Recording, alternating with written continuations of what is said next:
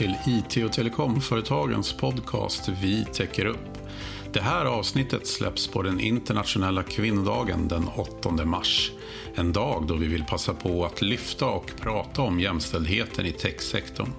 Det är en dag på året i kalendern, men jobbet för att nå ett jämställt samhälle och näringsliv måste göras varje dag.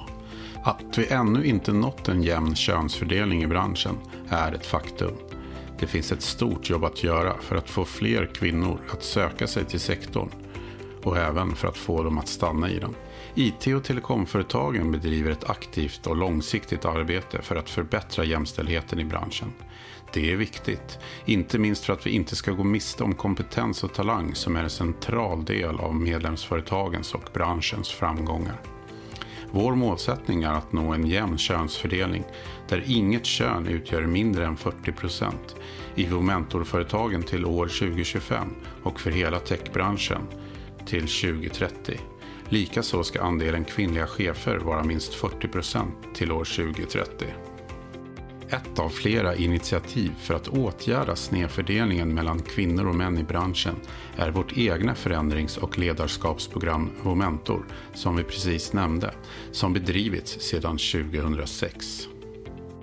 En person som är engagerad i vår mentor och jämställdhetsfrågor i branschen är Maria Norberg, VD på Teknikkvinnor, som också är det här avsnittets gäst. Då kör vi. Välkommen till eh, Vi täcker upp-podden Maria Norberg. Tusen tack, kul att få vara med. Ja, du är ju vår tredje gäst här i vårt tredje program och jag tänkte att du skulle få presentera dig till att börja Ja. med.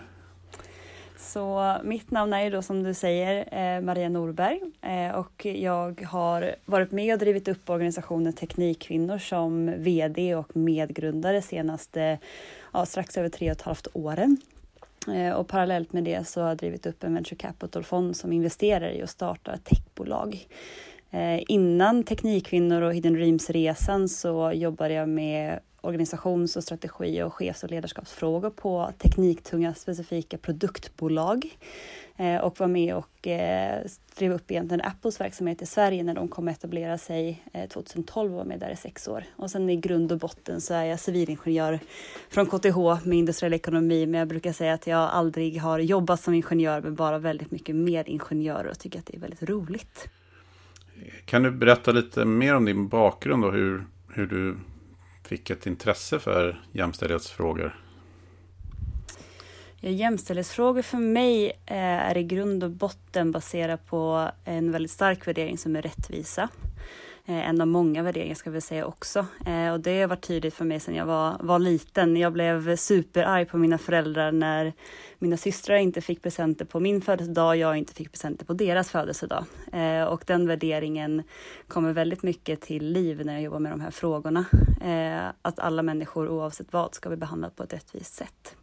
Eh, och själva arbetet med jämställdhetsfrågor blev ganska naturligt från övergången från att ha jobbat i tekniktunga bolag, ledningsgrupper och eh, med chefer och ledare. För där blir det också tydligt i hur det ser ut för branschen och vilka utmaningar man står inför. Eh, så det har gått från en, från en bredd till en nisch kopplat till jämställdhet och just inkludering. Vi täcker upp podden med Maria Norberg från Teknikkvinnor.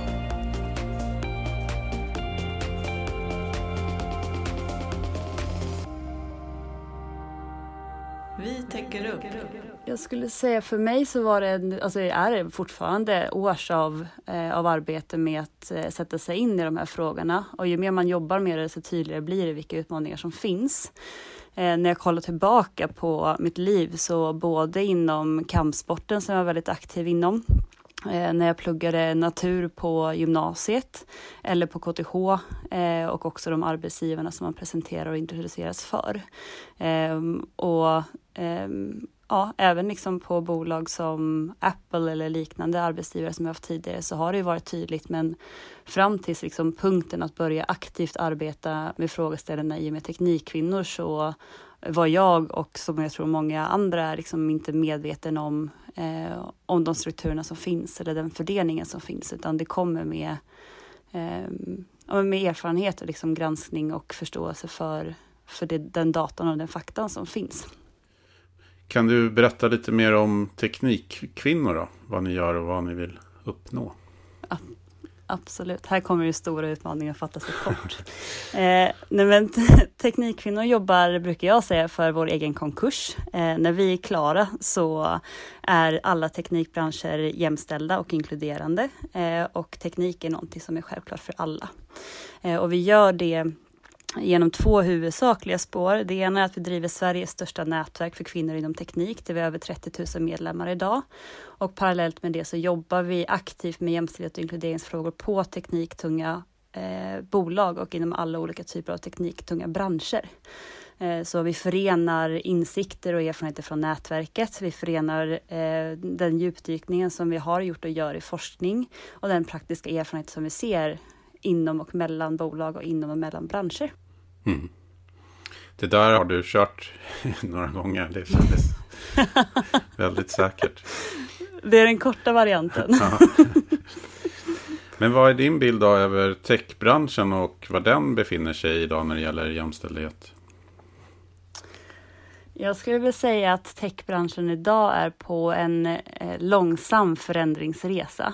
Eh, och det är om man utgår från den data som finns kopplat till om en andelen kvinnor inom olika, olika nivåer i organisationer, löneskillnader och jämställda yrkesgrupper. Eh, och om jag ska göra en analys av det, så varför man befinner sig där man är idag, eh, är att man har ett väldigt stort fokus på just det kvantitativa, det vill säga hur många finns det på de olika positionerna, medan fokuset på det kvalitativa som handlar om rättigheter, skyldigheter och möjligheter eh, lägger man inte lika stor vikt på. Ehm, och att man lägger stor vikt på att attrahera och locka eh, snarare än att kanske bredda synen på personan som passar in eh, och i grund och botten fördela den makten och mandatet som behövs för eh, förändringen inom, inom branschen och inom branscherna. Eh, sen är det ju också en väldigt stor eh, variation mellan olika organisationer. Det finns vissa techbolag som är superduktiga och kommit jättelångt. Och så finns det de som ligger väldigt långt efter. Eh, så bredden och variationen är väldigt stor. Mm. Se, kan man se en, eh, en förbättring, att det går framåt? Den är svår tycker jag. På vissa sätt så kan man göra det om man kollar på det kvantitativa, alltså andelen personer, om än att det går lite långsamt. Men till exempel då för Momentorbolagen så går det eh, mycket bättre. Och Momentor vet jag att vi kommer komma in på lite senare, antar jag. Um, och det går också väldigt mycket, skulle jag säga, nu med corona också i cykler i att kunna se vilk, för vilka bolag inom branschen är det här en affärskritisk fråga och vilka är det inte. Vissa gör fortfarande framsteg, andra stagnerar och vissa går det mycket eh, långsammare för eller till och med bakåt i utvecklingen. Mm. Så det är organisationsberoende vågar jag nog nästan påstå. Du är ju engagerad i IT och telekomföretagens förändring och ledarskapsprogram Vomentor. Eh, kan, ja. kan du ge en beskrivning av det också och, och programmet och berätta om din roll där? Absolut. Eh, men som du säger så är det ju en, en kombination av ett förändrings och ett ledarskapsprogram. Eh, där bolag som eh, vill arbeta aktivt med den här frågan är med för att skapa en förändring internt på organisationerna men också skapa branschöverskridande utbyte mellan organisationerna i förändringsprogrammet. Och ledarskapsprogrammet är för seniora kvinnor som jobbar på de här coola eh, bolagen inom branschen och har oftast då väldigt coola roller också. Eh, och jag har fått äran att vara med och driva programmet förra året, det vill säga 2020 eh, och kommer fortsatt vara med nu under 2021. Eh, och mycket av det arbete som jag och då Teknikkvinnor gör är kopplat till eh, förändringsprogrammet explicit. Eh, och där finns det någonting som kallas för fanbärare och fanbärare är varje unik organisations eh, kontaktperson och nyckelperson som vi jobbar med under året. Eh, och det är mycket fokus på kunskapshöjning, att diskutera och bolla, att koppla samman de här fanbärarna från de olika bolagen och säkerställa att vi förhåller det mål, målfokuset som programmet ändå är fokuserat på. Eh, att jobba mot målet som sätts upp för, för året som kommer. Eh, vad har Momentoprogrammet betytt och gjort för olika individer som har medverkat?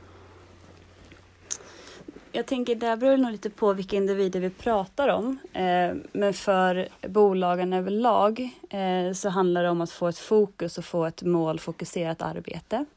Eh, för fanbärarna som är med så handlar det om att höja kunskapsnivån, höja engagemangsnivån, vilket engagemanget brukar vara otroligt stort, eh, men att kunna ha det mer fokuserat på vad som vi tror ger störst utfall under året. Eh, och för de chefer som är kvinnor som är med i programmet så är det ett program som fokuserar på att utveckla både ledaregenskaper men också chefsegenskaper och såklart ett fantastiskt nätverk mellan deltagarna men också mellan varje deltagare och deras mentor som de har under året också. Mm. Och det startade ju alldeles nyss ett nytt program för 2021 ju. Ja, det stämmer. Med en digital heldags kickoff. Gick det bra? Ja, men det skulle jag väl ändå våga bedöma. Det är ju annorlunda att sitta digitalt och sitta fysiskt. Eh, menar, jag tror att när, när förväntan ligger där från början att det, det sker digitalt så och att man börjar bli mer och mer van att delta på digitala utbildningar och konferenser och workshops. Men jag gick i alla fall ifrån den och de två dagarna med otroligt mycket energi eh, och ett stort hopp för, för årets utveckling. Insight Intelligence har ju presenterat en rapport som heter Unga kvinnor och IT. Och den, eh, den visar ju att enligt deras undersökning så, så har andelen unga kvinnor som är då ganska lockade att jobba inom IT fördubblats sedan 2016 fram till 2020 då från, från 12 till 32 procent. Är det en bild som, som, som du också har? Ja, det skulle jag säga. Jag tycker framförallt att det är jätte, jätteroliga och jättepositiva siffror som är viktiga för branschen. Eh, sen är det oftast väldigt svårt tycker jag eh, när jag kikar på liksom den rapporten i att det är ganska stort spann på åldrarna eh, av de som är med. Jag tror det är upp till 30 år. Eh, men många liksom ligger i ja, gymnasiet och eh, grundskoleåldern som, som får frågorna. Eh, men jag tycker att det stämmer väl överens med min uppfattning om att eh, branschen har blivit betydligt mycket bättre på just att kommunicera och att nå ut, även om det finns arbete kvar där att, att göra, kunna nå ut till rätt, rätt kanaler med rätt personer. Vad kan det vara som ligger bakom då den här ökningen? Antagligen en rad olika saker. Eh, och Ehm, mycket tror jag handlar om att eh, man jobbar mer och mer aktivt med, att, med förebilder. Eh, och jag tror att det är viktigt att arbeta ännu mer för. Eh, sen så när det kommer till, som jag var inne på lite med riktade informationen och att man speglar och tilltalar de olikheterna som finns i målgruppen nu börjar jag bli för gammal för att förstå var, var ungdomarna hänger någonstans. Eh, men liksom vilka sociala mediekanaler, om det är Youtube eller TikTok eller eh, vad det nu kan vara, att man når dem på det. Eh, och sen också i kombination med att eh, arbeta med, som jag också tror vi behöver göra mer, arbeta med alla vuxnas förståelse för att man hela tiden är förebilder oavsett vad man gör. Så här, vilka är det som byter glödlampor hemma eller fixar routern? Eller vem är det i klassrummet som fixar projektorn om man nu fortfarande har sådana? Det vet jag inte heller. Overhead-apparaten. Exakt. Eh, nej, men vad är det man visar och vad är det man ser? Eh, och vilken bild är det som finns där ute? Och den här rapporten tycker jag är jättebra för den presenterar också vad de unga kvinnornas syn är på tech och vad unga syn är på eh, utveckling eller alltså själva branschen i helhet. Och det är ju något som är jättebra data att kunna bygga vidare på. Så ska det fortfarande klassas som som nördigt liksom är ett ord som kommer upp? Eller hur ser det ut? Är det utvecklare man måste vara för att jobba i den här fantastiska branschen? Eller eh, kan man ens vara kreativ? Brukar jag få frågor när man jobbar inom teknik och det är väl liksom fundamentat i att vara då ingenjör eller också jobba inom, inom IT och telekombranschen i att det är ett otroligt kreativt och jätteviktigt jobb för, för samhällets utveckling. Eh, och man kan vara med och påverka. I vårt senaste avsnitt av Vi täcker upp-podden så medverkade ju Microsofts affärsområdeschef Helena Kappen. Och hon eh, var ju ganska tydlig med att hon tycker att det behövs ett synliggörande av fler kvinnliga förebilder i, i branschen. Eh, håller du med? Ja, jag tror aldrig man kan få för många förebilder och förebilder om alla livets områden. Eh, en, en, reflektion som jag oftast gör där är skillnaden mellan förebilder och idol. Alltså tittar man på här, kvinnor som är superseniora som porträtteras i media så är det ganska svåruppnåeligt. Jag brukar klassificera dem som fantastiska idoler. Medan förebilder handlar ju om, okej, okay, kan jag se en person som är en, två, tre eller fyra steg framåt där jag vill vara och kunna spegla mig i det mycket lättare. Eh, och de typen av förebilderna skulle jag jättegärna vilja se mycket mer av. Eh, och en variation på eh, hur de är som personer eller vilka bakgrunder de har eller vad för typ av jobb de har för att visa på den här bredden av, av möjligheter. Och sen så är inte, sen så, ja, alla är ju som sagt förebilder hela tiden. Vi kanske inte alltid är bra förebilder, eh, men det finns alltid folk som tittar på oss, eh, på oss oavsett vem vi är eh, för att kunna spegla sig. Så det är nog också viktigt att ha med sig att man men eh, sträcka på sig och känna att man är en förebild. Vi ska lyssna på ett klipp från en intervju där IT och telekomföretagens styrelseordförande Per Fors delar sina tankar om jämställdheten i branschen. När det gäller då att eh, vi har alldeles för få tjejer som jobbar i IT-branschen, eller kvinnor som jobbar i IT-branschen. Det finns alldeles för få kvinnor som studerar eh, IT och teknologi på våra universitet. Och, och, och en viktig statement att göra då är ju på den negativa sidan att tyvärr har det under de här 12 åren som Momentum har, har drivits har det inte egentligen den här frågan förbättrats speciellt mycket. Det har inte ökat speciellt många, hur många som jobbar i branschen. Det är fortfarande runt 30 ish. Eh, det är något fler kvinnliga ledare men det är ganska begränsad progress då. Men det vi har märkt då, eller mätt rättare sagt, det är ju att för företagen som är med i Moventor, som har med och adepter som de kallar för, de har haft en mer positiv utveckling. Då. Så att eh, eh, det återstår mycket att göra. Eh, men för de företag som engagerar sig i det här programmet så har det gått bättre och vi är övertygade om att det även kommer fortsatt att gå, eh, att, att gå bättre för de företagen. Som Per lyfter i klippet så kan man se att företag som engagerat sig i vår mentor också har en positivare utveckling. Har du någon reflektion kring det? Att jag tycker att det är fantastiskt och att jag tycker att det är eh, otroligt signifikant på ett, ett initiativ som vår mentor eh, som har funnits inom så många år, eh, år efter år kan visa på en positiv utveckling på datan och det blir ett kvitto på att vår mentor gör skillnad. Eh, gör skillnad för individer, gör skillnad för organisationer och gör skillnad för branschen. Så det gläder mig. Det har ju kommit ny statistik från Nyckeltalsinstitutet. Man har ju tittat på deltagande företag i momentprogrammet och det visar att män och kvinnor enligt mediannivå i branschen har lika stor sannolikhet att bli chef om man utgår från grundstrukturen då i andelen anställda män och kvinnor i relation till hur chefskollektivet ser ut. Tycker du att det har blivit lättare eller är det din känsla att det har blivit lättare som kvinna att nå en chefsposition? Jag upplever där också att det är väldigt bolag till bolag specifikt. Eh, det gläder mig att Nyckeltalsinstitutet som är en fantastisk organisation med statistiker och kunniga eh, kan se den här utvecklingen. Eh, och jag skulle vilja benämna det som så här, det, nu är det lika lätt eller svårt för en kvinna eller man att bli chef inom de bolagen som man har tittat på.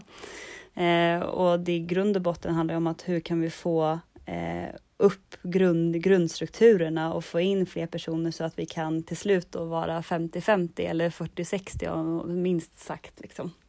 Eh, och om det har blivit lättare eller då lika svårt? Eh, kanske. Eh, jag tycker det är en svår fråga, ehm, för det beror på eh, också vem man är och kanske viljan att bli chef och eh, vad det är för typ av chefspositioner som man har möjlighet att kunna ta eh, och hur högt upp den här då fördelningen fortfarande är eh, lika lätt eller svår för chef. Eh, för i grund och botten så kommer vi tillbaka till eh, att det handlar om eh, den makten som man har kunnat påverka. Eh, och man kan vara chef eh, utan att ha någon makt. Eh, och det är makt i slutändan som, som vi behöver komma tillbaka till när vi pratar om de här frågorna. Mm. Vad är din uppmaning till, till beslutsfattare i stort och på högre nivåer? Vad behöver de göra, tycker du, för att hjälpa till att nå en jämställd bransch? Jag tror att det börjar med, eller jag tycker att det börjar med att när, när man som högt uppsatt chef eller makthavare säger jag tycker att jämställdhet och inkludering är viktigt, så innebär det då att man säger att jag som individ är villig att förändra mig, jag som individ är villig att ändra min syn på världen eh, och därefter bli mer inkluderande.